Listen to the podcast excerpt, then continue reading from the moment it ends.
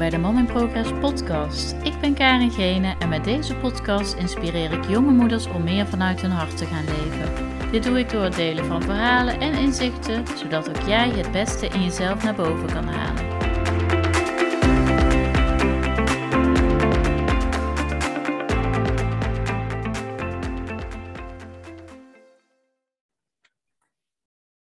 Welkom bij weer een nieuwe aflevering van de Mom in Progress podcast. Leuk dat je luistert. En um, ik zit vandaag uh, in een digitale uh, podcast, want uh, ik heb een afspraak met Elle Dane. Zij is hormoonexpert en vanwege de afstand hebben we besloten om deze podcast via Zoom te laten verlopen.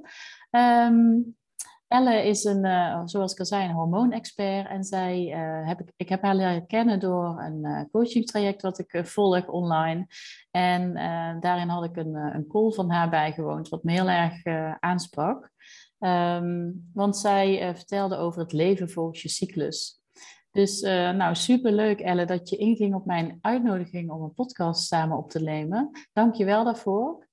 Um, ja, en ik zou je graag de ruimte willen geven om jezelf even voor te stellen. Wie je bent en wat je doet en hoe je daar eigenlijk bij gekomen bent. Ja, nou superleuk om hier uh, vandaag met jou in deze podcast te zitten.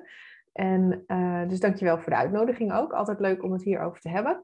Um, nou, zoals je zegt, ik ben Ellen Danen en ik ben een uh, ja, hormoonexpert, cyclusexpert. Het is maar net hoe je het noemt.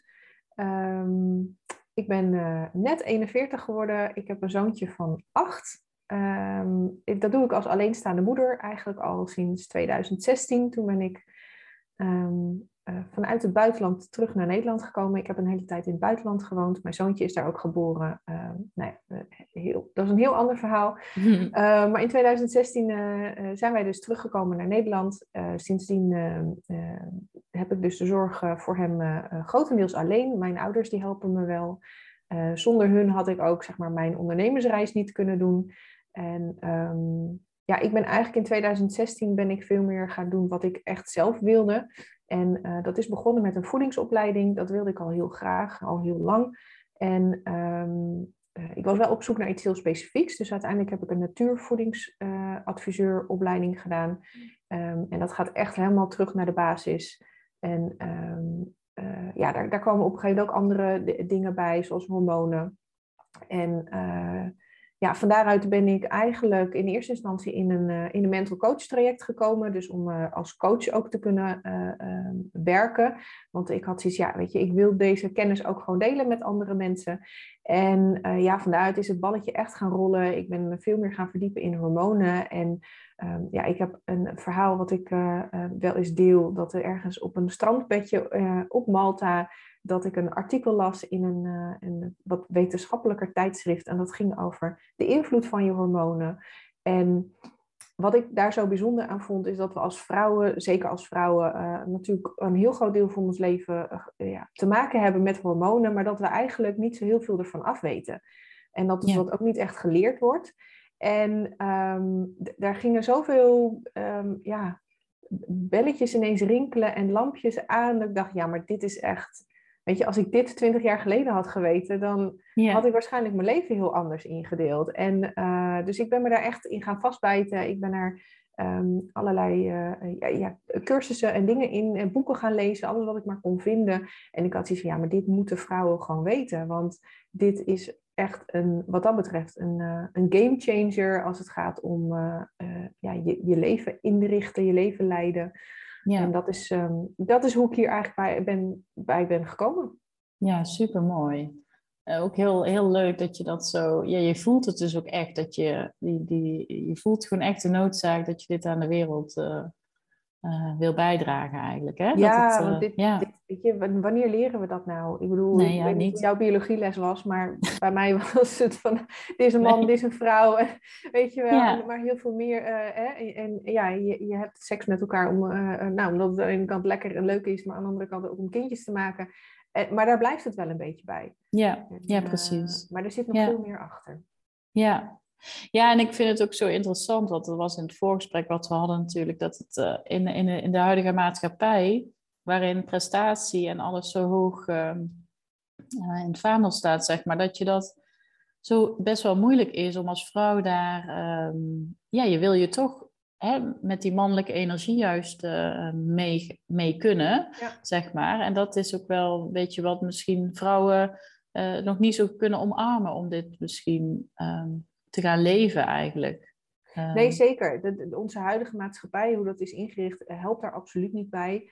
Um, ik vind het altijd heel bijzonder dat eigenlijk hè, de helft van de bevolking heeft uh, uh, nou, ongeveer zo'n 40 tot 45 jaar van haar leven uh, te maken met hormonale schommelingen. Um, ook nog in verschillende levensfases heeft dat ook weer verschillende uitwerking. Maar er is nog zo weinig ruimte om het hier ook gewoon echt open over te hebben. Hier zit echt nog wel een taboe op. En nou ja, wat jij zegt, hè, we leven in een maatschappij die met name vanuit mannelijke energie wordt geleid. Dus doen, actie, resultaten. Um, terwijl onze vrouwelijke kant, hè, de vrouwelijke energie, veel meer zit in het vertragen, het, uh, het samen doen, um, je intuïtie, creativiteit. En um, wat je ziet is dat door maar constant in die mannelijke energie mee te gaan, is dat je uiteindelijk dus, ja, zeker als vrouw zijnde, ook gewoon opbrandt. Want het, het past niet helemaal bij je. Het past ook niet helemaal in je cyclus. Hè. Ook onze cyclus heeft een wat meer uh, een kant waar je wat meer mannelijke energie um, prominent aanwezig is. En een kant waar meer de vrouwelijke energie aanwezig is. En uh, op het moment dat je daar niet in mee kan bewegen, ja, dan, dan, dan wringt het dus en dan loop je vast. En daar komt bijvoorbeeld ook ja. PMS vandaan, maar daar komt ook depressie vandaan en extreme vermoeidheid. Um, ja, en dat zijn echt wel ja. dingen waarvan ik denk, ja, het hoeft niet. Het kan ook nee. anders. Nee, maar dan is het wel handig om te beginnen, misschien bij het begin van hoe ziet dat er dan uit eigenlijk? Hè? Want je hebt ja. het over vier fases eigenlijk. Uh, ja. Kun je daar iets meer over vertellen, hoe die fases Zeker. dan verlopen? Ja. ja, we hebben inderdaad vier fases. En eigenlijk, als je helemaal naar het begin gaat, dan kijk je je cyclus en uh, dan hebben we eigenlijk twee helften. Je hebt de eerste helft van je menstruatie tot aan je ovulatie. Um, dat noemen we de folliculaire fase. Dat is de fase waarin je eicel, zeg maar, uh, wordt opgebouwd en natuurlijk waar je menstruatie ook in plaatsvindt. Um, en halverwege heb je je ovulatie en dan start eigenlijk de tweede helft van je, uh, van je fase. En die twee helften zijn ook weer op te delen in vier afzonderlijke fases. En uh, die worden beïnvloed op basis van, van je hormonen, je hormoonsamenstelling. En um, ik link ze graag heel erg aan de, aan de natuur, want het heeft heel erg veel overeenkomsten met de vier seizoenen in zeg maar, de natuur. En je start je cyclus eigenlijk met je menstruatie. Dus dag 1 van je cyclus is dag 1 van je menstruatie. Dus de dag waarop je ook daadwerkelijk gaat bloeden. En um, ja, die fase die duurt gemiddeld 5 tot 7 dagen. Dat, dat verschilt per vrouw, maar gemiddeld 5 tot 7 dagen. En uh, je merkt dat je dus vanaf dag 3 ongeveer begint uh, oestrogeen weer op te bouwen. Want aan het begin is alles nou, vrij laag. En vanaf dag drie begint oestrogeen weer op te bouwen en begin jij ook langzaam weer wat meer energie te krijgen. Na je menstruatie tot aan je ovulatie is de fase die ik de lentefase noem. En um, dat is ook de fase waarop je dus nou, steeds meer energie krijgt, maar waarin je ook, net als in de natuur, eigenlijk wel weer um, wat meer dingen wil gaan ondernemen, wat meer dingen wil gaan doen. Um, en dus daar zit een wat, hè, dan zie je ook dat in die eerste helft, dat daar dus wat meer die mannelijke energie in zit. Hè, je krijgt meer energie, je wil meer dingen doen. En dat heeft ook allemaal te maken met oestrogeen. Oestrogeen is een hormoon dat ervoor zorgt dat we ons goed voelen, dat we ons energiek voelen. En um, vlak voor je ovulatie piekt eigenlijk je oestrogeen. Er komt een beetje testosteron bij. En die combinatie, samen met nog een paar andere hormonen, die zorgt ervoor dat dus één van jouw eicellen um, uh, zeg maar uit het omhulsel barst en dat je ijsprong plaatsvindt. En um, dat zorgt er ook voor dat je in die fase, en dat is eigenlijk je zomerfase, um, heel veel energie hebt, maar dat je ook meer zelfvertrouwen hebt, dat je veel meer gericht bent op je omgeving en op bezig zijn met andere mensen dan op jezelf. Um, en dat is voor heel veel vrouwen ook een fijne fase, omdat je dus gewoon lekker in je vel zit. Je straalt, weet je, je huid ziet er goed uit. Uh, je haren zien er goed uit, jij voelt je goed, je hebt meer zelfvertrouwen. En dat is allemaal dus die hormonen die daarvoor zorgen. Nou, en na je ovulatie, dan uh, uh, neemt testosteron weer af, oestrogeen die daalt en progesteron die begint dan langzaam op te klimmen. En progesteron is eigenlijk de tegenhanger van oestrogeen. En progesteron die zorgt ervoor dat je ja, eigenlijk wat meer naar binnen keert. Dat, dat alles wat meer vertraagt, dat je het allemaal wat rustiger aan wil doen. En dat heeft ook een biologisch effect. Want waar je eerste helft eigenlijk bedoeld is om nou, een partner aan te trekken en zwanger te raken en je voor te planten, is die tweede helft van je cyclus bedoeld om een eventueel bevruchte eicel ook in te laten nestelen en uh, een zwangerschap te starten. En dat is ook, hè, progesteron wordt ook wat zwangerschapshormoon genoemd. Progesteron zorgt ervoor dat jouw zwangerschap in stand blijft uh, en dat dat eitje zich dus goed kan nestelen. Nou, maar dat doet wel wat met je eigen energie. En um, je komt dus langzaam na je zomer in je herfstfase. En dat is een beetje de laatste week, anderhalve week van je cyclus. Um, en dan merk je dat je dus meer naar binnen gekeerd bent, dat je wat minder behoefte hebt aan mensen om je heen, dat je misschien ook wat minder uh, mensen om, tolereert, hè? dus dat je wat sneller geïrriteerd bent. Um, en dat is eigenlijk een periode waarin je gewoon wat meer in je eigen bubbel wil zitten. En dat strookt natuurlijk niet helemaal met nou ja, hoe we graag willen dat we zijn en of hoe mensen verwachten dat we zijn. Vol energie en doen en klaar. Moeten altijd floreren, ja. Precies. Nou, En dat zijn eigenlijk die vier fases van je cyclus en ook hoe die hormonen dan van invloed zijn op hoe jij je voelt en uh, ook hoe je je uiteindelijk dus gedraagt. Ja, interessant. Ja, echt heel mooi. Want ik, uh, ik had gisteren nog in mijn stories een, uh, een vraag gesteld of er mensen vragen hebben voor dit, mm voor dit gesprek wat we mee konden nemen. Dat was ook echt een van de vragen van kun, jij, ja, kun jij echt dan vermoeid zijn voor je menstruatie? Want ik dacht altijd, het is tijdens de menstruatie. En nu ervaar ik het dat echt gewoon die week ervoor, dat ik gewoon echt... Ik, ik ben ook inderdaad meer geprikkeld en een korte lontje. En het, het hoeft allemaal niet zo, al die uh, sociale dingen. Nee, precies. Um, dus dat is wel, uh, wel mooi dat dat, uh, ja, dat dat zo bevestigd wordt. Ja. Um, je hebt eigenlijk in de tussentijd ook al wel verteld wat, wat je dan praktisch kunt doen. Hè? Hoe je dan het beste um, ja, je agenda daarop zou kunnen plannen. Maar, maar hoe, hoe, hoe doe je dat dan? Ja, hoe doe je dat bijvoorbeeld als je in loondienst bent? Of, uh... Ja, het, is, het, het heeft impact op alle uh, vlakken in je leven. Hè? Dus het is inderdaad je werk, maar het is bijvoorbeeld ook hoe ga je om met je partner en je kinderen? Um, hoe ga je sporten? Hoe eet je? Ja. Hoe slaap je? Hoe, hoe vul je je agenda? En dus dat zijn allemaal aspecten om rekening mee te houden. En als je in loondienst bent, dan is het natuurlijk zo dat je, ja, wij zijn nog altijd, en ik hoop echt dat dat gaat veranderen, we zijn nog altijd heel erg in het mannelijke. Je moet presteren, je moet een minimaal aantal uren aanwezig zijn, terwijl je ziet dat juist heel veel vrouwen het veel beter doen op een soort van ja, golfbeweging, op basis dus van die energie. Ik zeg altijd, het gaat eerder om energiemanagement dan om time management. Alleen de huidige maatschappij is echt veel meer ingesteld op time management. Ja, en hoe ga je daarmee om? Dat is door zeg maar um, daaromheen um, uh, andere keuzes te maken. Maar misschien ook op je werk. Want het wil niet zeggen als jij wel verplicht bent om bijvoorbeeld van 9 tot 5 op je werk aanwezig te zijn. Wat natuurlijk nu met het hybride werken, uh, wat daar misschien wat meer flexibiliteit in geeft. Waarbij je ziet dat het vaak voor vrouwen uh, toch ook wat prettiger werken is. Maar stel dat je wel aanwezig moet zijn, dan kan je natuurlijk wel gaan kijken van oké, maar hoe plan ik mijn afspraken in? Dan kan je bijvoorbeeld zeggen in je lente en in je zomerfase heb je meer energie, ben je communicatief ook vaardiger. Uh, dat zijn dus momenten om echt bijvoorbeeld vergaderingen te plannen of een presentatie te plannen. Um, en je, uh, je herfstfase, waar je dus wat meer in je eigen bubbel wil zitten, die kan je bijvoorbeeld gebruiken om uh, projecten meer af te ronden of je administratie te doen of echt wat meer dingen waar je, waar je minder mensen bij nodig hebt. Als dat nou heel lastig is, hè, ik kan me ook voorstellen als je bijvoorbeeld een, uh, een heel actief beroep hebt, ik noem wat in de zorg, dan, dan, dan moet je wel, dan moet je gewoon bepaalde dingen doen. Dan kan je wel kijken van oké, maar hoe kan je het dan in je privéleven, dus met al die andere aspecten, hoe kan je het dan wel makkelijker voor jezelf maken? Hè? En dat kan bijvoorbeeld zijn dat je in je herfstfase of in je winterfase, net hoe dat voor jou is, dat je bijvoorbeeld inderdaad geen of heel weinig externe afspraken plant. Dat je gewoon lekker tijd voor jou thuis en voor je gezin, uh, of dat je misschien wat meer tijd voor jezelf inplant. Um, ja. Want ik zeg altijd, je hoeft dingen niet te laten, alleen je kan er wel rekening mee houden. Dus stel dat jij tijdens je menstruatie dat je dan wel wat moeier bent, maar je moet echt iets doen, zorg dan dat je op de momenten dat je eigenlijk niet zoveel hoeft te doen, dat je dan ook niet zoveel doet. En, en, en dat kan bijvoorbeeld zijn dat je in plaats van zelf te koken, uh, je partner laat koken of um, uh, dat je bijvoorbeeld eten bestelt.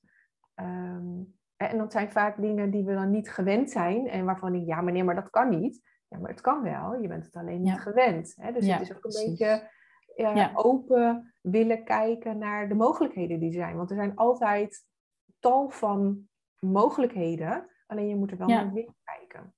Ja, open communiceren denk ik ook hè, binnen je gezin. Uh, nu is er richting kleine kinderen, ja, ik vind het sowieso lastig um, om, om dat tegen kinderen te zeggen. Als je, maar je kunt altijd zeggen bijvoorbeeld van, nou mama is een beetje moe.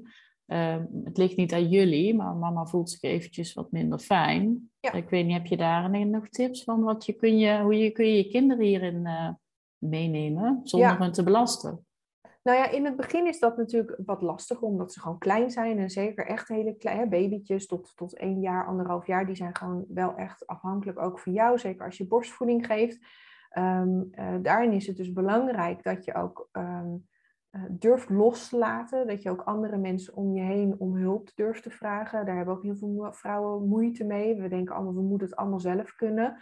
Um, maar je doet jezelf, maar ook uiteindelijk je kinderen er enorm veel plezier mee door ja, weet je, door los te laten, door hulp in te, in te schakelen. Maar als ik kijk naar mijn eigen zoon, ik, ik benoem niet per se dat ik ongesteld ben of dat ik, hè, dat ik overleer en dat ik daardoor anders in mijn vel zit. Maar wat ik wel bij hem heb gedaan, is echt wel momenten voor mezelf inplannen, waarvan ik zeg van, um, ik heb nu gewoon echt even tijd nodig voor mezelf. En dat kan zijn doordat ik hem een nachtje laat logeren bij mijn ouders bijvoorbeeld. Um, maar dat kan ook zijn dat ik ook hem leer van joh, ik, ik sta niet altijd aan. Er zijn momenten dat ik gewoon eventjes inderdaad geen zin heb of dat ik moe ja. ben. En dat is ja. oké. Okay. En ik denk dat je daar je kinderen ook gewoon een heel groot plezier mee doet. doet jongetjes, maar ook meisjes, om, om het voorbeeld te geven van uh, ja. aan te geven waar ligt mijn grens. Um, inderdaad, hè, het ligt niet aan jou, maar ik heb nu even, hè, waar heb je wel behoefte aan, dus wat kan wel. Um, en dat kan bijvoorbeeld zijn, ik zeg oké, okay, ik heb nu eventjes geen ruimte of hè, ik heb nu even geen tijd, maar uh, straks of na het eten of nou, hoe, hoe, hoe je daar dan ook vorm aan kan geven, gaan we dit wel eventjes doen. En um, ik denk dat dat een heel mooi voorbeeld is voor je kinderen hoe het ook kan. En dat je dus niet ja. jezelf helemaal hoeft weg te cijferen voor anderen, um, want daarmee leer je ook hun om aan te geven van waar ligt voor hun de grens. Ja, absoluut. Dat je niet altijd in dienst hoeft te staan hè, voor een ander. Ja. En, uh, ja. Ja. ja, mooi.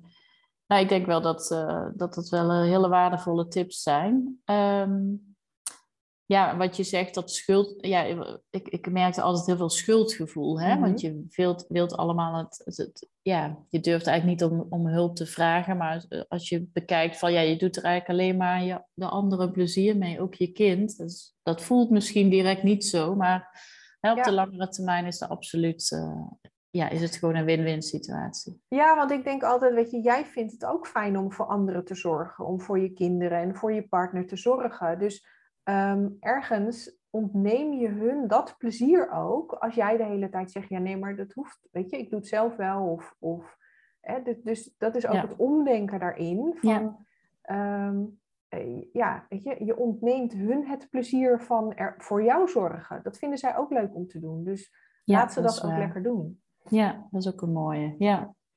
Um, nu heb ik ooit ergens gelezen um, dat, want ik had bijvoorbeeld een hele lange uh, cyclus, een hele onregelmatige cyclus.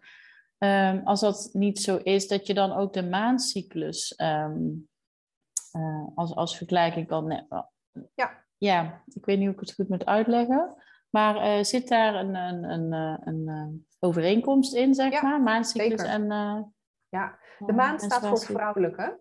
Ja. Hè, de zon staat voor het mannelijke, de maan staat voor het vrouwelijke. En um, het, het, het, bijzondere is dat de maandcyclus, die heeft 28 dagen. En dat is ook zeg maar de gemiddelde menstruatiecyclus, hè, waar we uitgaan van een gemiddelde. Ehm, daarbij is het zo, ook hoe de maancyclus verloopt, heeft dus heel veel overeenkomsten met die vier fases die ik net beschreef. Dus op het moment dat het nieuwe maan is, um, er is altijd één dag dat de maan eigenlijk niet zichtbaar is. Dat is eigenlijk de start van je cyclus. Uh, dus dat kan je vergelijken met je menstruatiefase. En uh, naarmate die maan dus, dat noemen ze de wassende maan, dan kom je langzaam in je lentefase. En op het moment dat het volle maan is, dan zit je eigenlijk rondom je ovulatie. Dus dat is vergelijkbaar met die energie. Um, energetisch, uh, maar ook in de natuur. En dan uh, daarna komt de afnemende maan. En die fase is eigenlijk weer vergelijkbaar met jouw herfstfase. Dus eigenlijk de periode voor jouw menstruatie. En dat is inderdaad heel fijn als je een onregelmatige cyclus hebt. Of als je bijvoorbeeld niet menstrueert. Bijvoorbeeld omdat je zwanger bent of borstvoeding geeft. Ja. Um, dan kan je ook die cyclus gebruiken om gewoon voor jezelf iets meer houvast uh, uh, te vinden. Als je, dat, als je dat gewoon heel prettig vindt. Ja, mooi. Ja. En ook, uh, hoe zit het dan met anticonceptie? Met pilgebruik bijvoorbeeld? Ja, de pil, hè, hormonale anticonceptie, of dat de pil is of dat een spiraaltje is, dat um, um, ja, legt eigenlijk jouw hormonale huishouding plat. Het zorgt ervoor, of het geeft aan je, uh, aan je lichaam het signaal af dat je zwanger bent. En daardoor kan je dus ook niet zwanger raken. Dus op het moment dat jij zwanger bent, um, uh, is er geen ovulatie. En uh, nou ja, daardoor kan je dus ook niet zwanger raken. Dat is een beetje hoe de pil werkt. En mm ja, dat, dat zorgt er dus ook voor dat je eigenlijk op het moment dat je aan de pil bent, dat je altijd een beetje in die tweede helft van je uh, cyclus bevindt, qua energie, qua uh, uh, ja, ook energetisch, zeg maar. Um, maar dat voorkomt natuurlijk ook dat jij die, die natuurlijke schommelingen en ook de natuurlijke invloeden van je hormoon, dat je die mist. Um, dat maakt het iets minder makkelijk om zeg maar, te leven volgens je cyclus. Omdat je dus die, die, eigenlijk de voordelen van je eigen natuurlijke hormonen, die ontbreken. Maar dat wil niet zeggen dat je het niet kan doen. Want zelfs dan is het denk ik heel verstandig om gewoon fases te hebben waar je actiever bent. Um, en fases waar je ook weer kunt ontspannen en herstellen. En, oh ja. um, dus, dus je kan het principe wel toepassen. En dan zou de maandcyclus hè, uh, zou bijvoorbeeld een, een houvast kunnen zijn. Ja, ja, ja. Oké. Ja, duidelijk. Um, nou ben ik zelf, uh, heb ik een hele duidelijke ochtendroutine. Of duidelijk, nou ja, die wisselt nog wel eens. Maar ik, ik heb elke dag wel een ochtendroutine voor mezelf. Waarbij ik mijn, uh, ja, mijn, mijn happy hormonen eigenlijk uh, aanzet. En um, heb jij zelf ook een ochtendroutine die je dan helemaal met, jou, met jouw cyclus bijvoorbeeld Nee, ik, nee ik, ik, ik ben wat dat betreft, uh, uh, ik, ik ben op zich wel een gewoontedier, maar ik heb niet echt routines als in ik sta op, ik ga mediteren of ik ga wandelen of ik ga schrijven. Um, wat ik zelf heel fijn vind, is om gewoon rustig de dag te kunnen starten. Um, ons stresshormoon is, um, ja, dat, dat, die is heel dominant. Dus op het moment dat jouw stresshormoon zeg maar, geactiveerd is, worden alle andere hormonen een soort van lam gelegd en ontstaat er een disbalans. En als je dat maar lang genoeg doet, dan ga je daar ook echt klachten van krijgen. En nou, we hebben allemaal gewoon heel veel stress. We ervaren heel veel stress en vaak zoveel dat we het niet eens in de gaten hebben. Dus alles wat er nu in de wereld gebeurt, maar ook je mobiele telefoon, het nieuws, weet je wel, eh, je, je, persoonlijke situatie. Dus ik vind het heel fijn om mijn dag rustig te kunnen beginnen. Dus ik neem, ik, ik heb echt anderhalf tot twee uur ochtends de tijd om op te staan, om aan te kleden, om, om zeg maar te ontbijten en, en om gewoon rustig de dag te starten. Dat vind ik heel fijn. Ik heb wel een soort van avondritueel. Dat werkt voor mij wel heel fijn. Ja. Uh, om um, ja, gewoon de dag wat rustiger af te kunnen sluiten. En um, dat, dat houdt voor mij in dat ik eigenlijk altijd ga douchen. Meestal al na het avondeten. En dan, dan spoel ik ook een beetje de, de dag van me af, zeg maar, ja. energetisch gezien. en dat doet zo ontzettend veel in mijn energie. Dat ontspant heel erg. Daarmee um, een warme douche of een warm bad um, um, zorgt er ook voor dat je zenuwstelsel weer tot rust komt. En ja, en daarna is het gewoon in de, dim de lichten bijvoorbeeld, zodat er gewoon uh, dat, dat ook je natuurlijke slaaphormoon, melatonine, dat dat zeg maar uh, uh, meer aangemaakt wordt. En ik op die manier dus jezelf ook voorbereidt op, op de nacht. Ja, ja. En de, het zal waarschijnlijk ook wel misschien wisselen door welke behoeftes je hebt ja, nou, van je cyclus. Welke ja, zeker. Want in, in zeg maar de, de fases waar ik wat minder energie heb, dus, dus zeg maar je late herfst en je winter, dan ga ik vaak eerder naar bed bijvoorbeeld.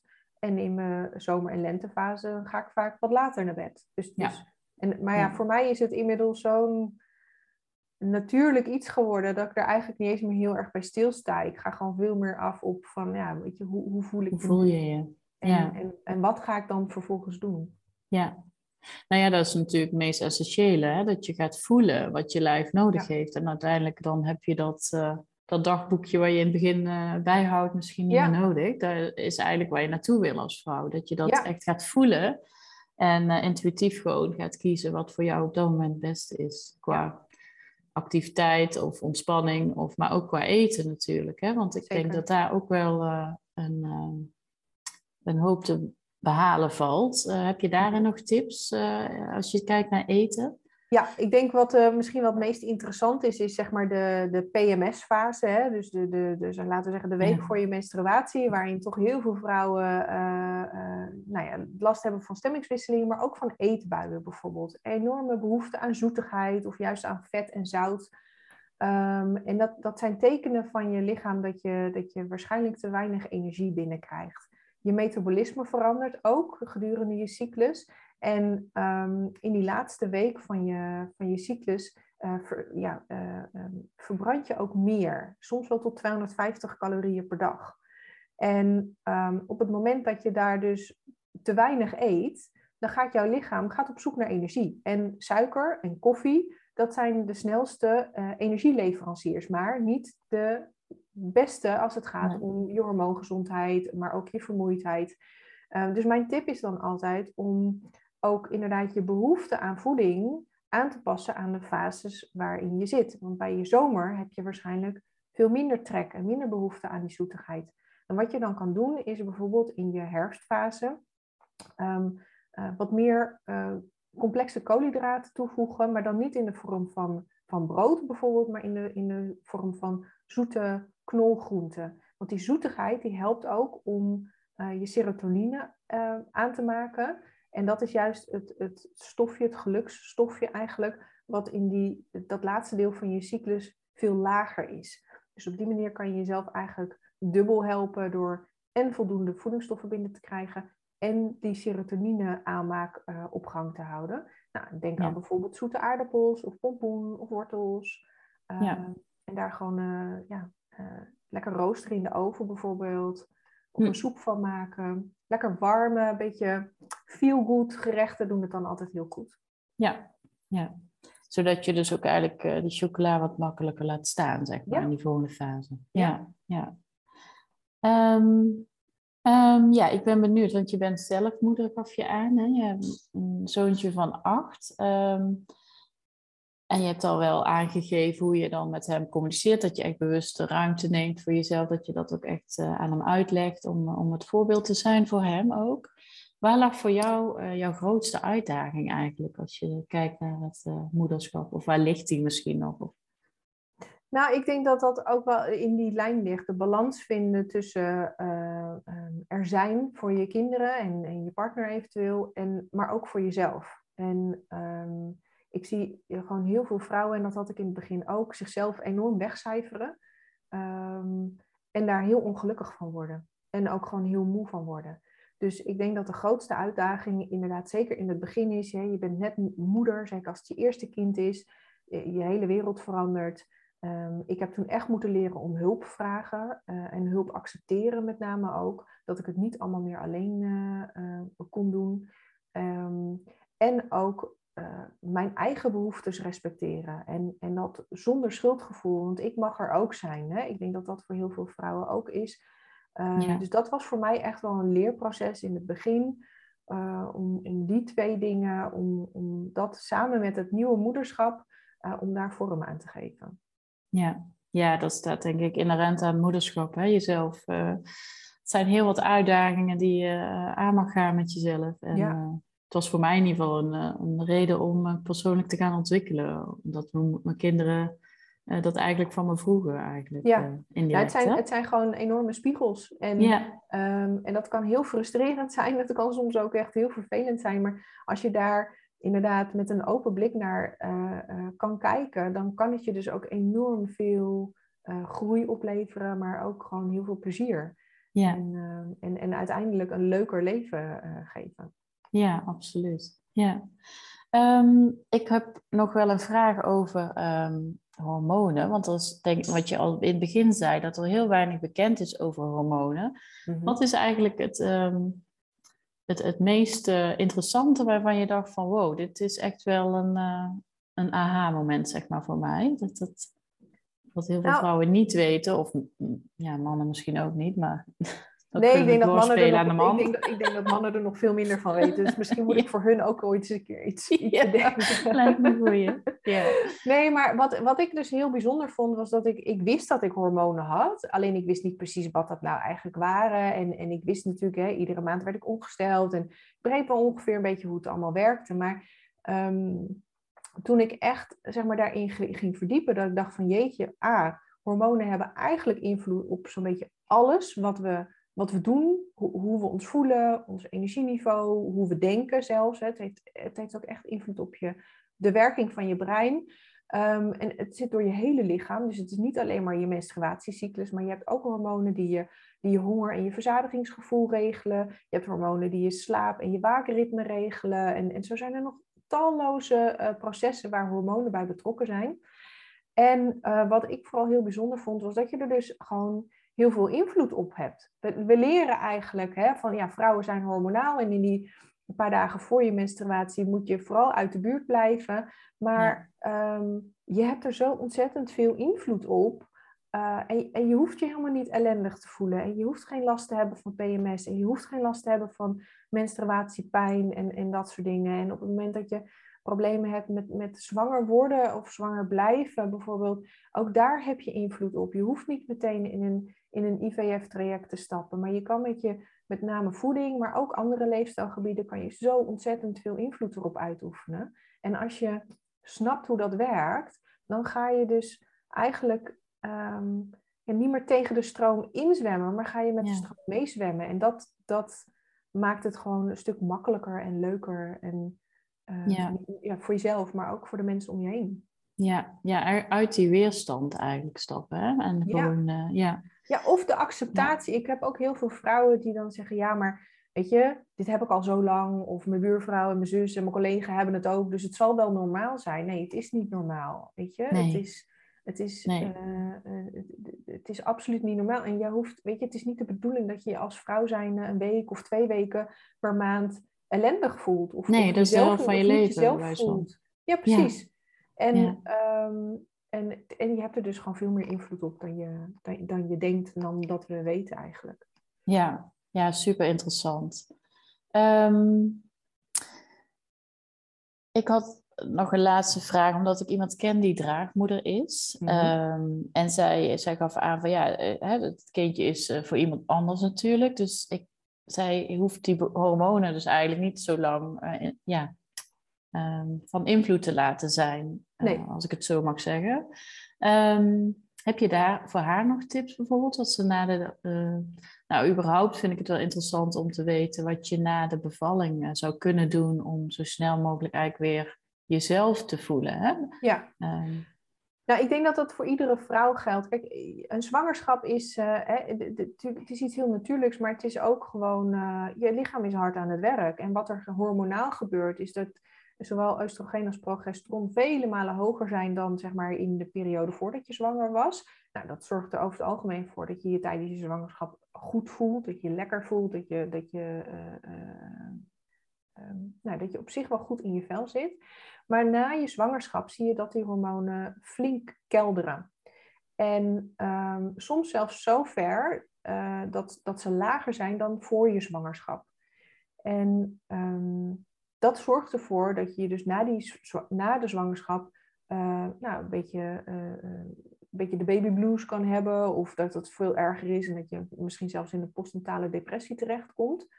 Um, dus ik denk voor iedere vrouw is het belangrijk om, om sowieso tijdens de zwangerschap natuurlijk goed voor jezelf te zorgen, maar ook na die zwangerschap. Je lichaam is aan het herstellen. Voor herstel hebben we eiwitten nodig. Hebben we ook bepaalde voedingsstoffen nodig, vitamines, mineralen. Ehm, dus met je voeding kan je al heel veel doen.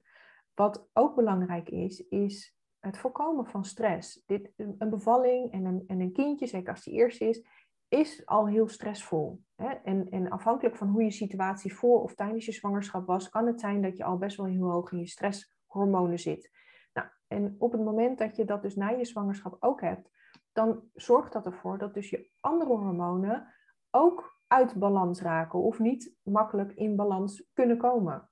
En ehm, daar heeft het ook weer te maken met in hoeverre ben jij in staat om ook na je zwangerschap om los te kunnen laten, om je alleen nog maar te richten op jezelf en, en je kindje. Weet je, het huishouden en, en uh, al die andere dingen eromheen, dat hoef jij even niet te doen. Richt je nou maar gewoon op jezelf. Hetzelfde geldt van, we hebben altijd binnen een paar weken moeten we weer up en running en op de, op de been zijn en moeten we weer aan het sporten zijn en zo. Nee, je hebt, weet je, je, het is echt een moment van gewoon weer herstellen. Geef je lichaam en geef jezelf de tijd en de ruimte om te herstellen. Bewegen is goed, maar je hoeft niet weer meteen, zeg maar, die sportschool in of, of te gaan hardlopen. Ga lekker wandelen, ga yoga doen, ga zwemmen. Weet je, ga dingen doen die wat milder zijn, waardoor je ook gewoon kunt, ehm, ja, waardoor je kan herstellen. En ik denk dat dat belangrijke, dat dat belangrijke dingen zijn om, om je lichaam ehm, ehm, nou, te laten herstellen van de zwangerschap, maar ook om je hormonen weer sneller in balans uh, te kunnen krijgen. Ja, ja, want eigenlijk verloopt het natuurlijk. Maar ja, gaan wij te snel en willen we te veel en is het gewoon te ja, wat je zegt, we moeten allemaal weer eh, ook perfect in vorm zijn. Maar ja. daar zit natuurlijk een diepere, diepere laag onder. Dat we anders misschien niet goed genoeg zijn of weet ik veel. Uh, en dat is veel interessanter om dat eens te bekijken, denk ik dan. Van, ja. Weet je, uh, waar komt dat dan vandaan? Um, ja, dus gewoon, je zegt de rust, echt die rust aan jezelf geven. En ja, het is een, een geheel nieuwe situatie waar iedereen aan moet wennen. Hè? En, ja. Uh, geef je lichaam dus uh, vooral de tijd. Uh, ja, en bedenk jij, ik bedoel, je hebt slaapgebrek, je hebt fysiek ben je aan het herstellen. Ja. Je, je, weet je, je hebt, je hebt stress van het nieuwe moederschap. Dus het is ook niet gek dat je gewoon even een tijdje. En, en voor de een is dat misschien een paar weken en voor de ander is dat een paar maanden. Maar geef jezelf gewoon die ruimte. En zorg ervoor dat je dus je lichaam alles geeft wat het nodig heeft op het gebied van voedingsstoffen ja, om ja. te kunnen herstellen. Heel essentieel. Ja, ja. mooi. Ehm, ja, ik denk dat we wel heel veel besproken hebben en uh, dat het gewoon een hele uh, interessante uh, materie is waar ik, ja, ik zou nog wel meer vragen kunnen stellen, maar ik vind het gewoon eh, prima om het hierbij te laten. En mm -hmm. ik ben heel benieuwd, um, ja, wel, hoe kunnen mensen jou vinden en, en wat, kun, wat kun jij voor mensen betekenen als zij ja. uh, hulp zoeken op dit gebied. Ja, nou ja, het is uh, super. De, de, tijd vliegt ook. Je. Ik, kan hier, ik kan hier ook nog uren over, over doorpraten. Dus als mensen inderdaad uh, wat meer willen weten over nou, wat ik doe en, en, en ook gewoon tips willen meekrijgen over van hè, hoe kan je dan goed voor jezelf zorgen. Ik, ik ben zowel op Instagram te vinden als op Facebook, maar Instagram daar ben ik wel iets actiever. dat is gewoon mijn eigen naam, Ellen underscore Danen. en Danen is dan met AE. Um, je kan ook uh, mijn website bekijken. Dat is ook www.ellendanen.nl. En um, ja, daar bied ik ook verschillende uh, opties aan. Ik heb een aantal online uh, trainingen, maar ik doe ook één op één begeleiding. Um, en ik ben op dit moment bezig met een kookboek. En dat is, nou, de titel is Eten volgens je cyclus. Dus dat gaat echt helemaal toegespitst op voeding voor en tijdens je cyclus. Dus hoe kun je je in die vier verschillende fases nou het beste ondersteunen met, uh, met voeding. Het is niet alleen een uh, receptenboek, dus er zit ook echt een stukje achtergrondinformatie uh, bij over hoe stel je dan je maaltijden samen en hoe hou je rekening met die fases. En nou, hè, dus, dus wat meer de achtergrond. Um, ja, en er gaan minstens 100 recepten in komen, misschien nog wel meer. Dus, leuk, is, heel leuk. Ehm, ja, dus ik hoop dat die, ja, dat, dat het staat op de planning om in het eerste kwartaal van volgend jaar uit te gaan geven. Superleuk, heel erg uh, interessant. Uh, ik wil jou hartstikke bedanken voor jouw tijd en jouw uh, ontzettend interessante ehm, ja, informatie. Ehm, ja, ik zou ja, jullie als luisteraar ook willen bedanken voor het luisteren naar deze aflevering. En uh, ja, je helpt ons enorm om, om, deze aflevering te delen via je stories. Dank je wel voor het luisteren en graag tot de volgende aflevering. Dankjewel voor het luisteren naar deze podcast. Ik zou het super leuk vinden als je me even laat weten wat je ervan vond en of je een inzicht uit deze podcast hebt gehaald. Wil je in gesprek met me? Dat kan natuurlijk ook. Meld je aan voor een cocoongesprek waarin ik mijn inzichten met je deel zodat jij weet welke volgende stap voor jou belangrijk is. Stuur me een berichtje naar karen.karengene.com of volg me op Instagram karen.gene. Graag tot de volgende keer.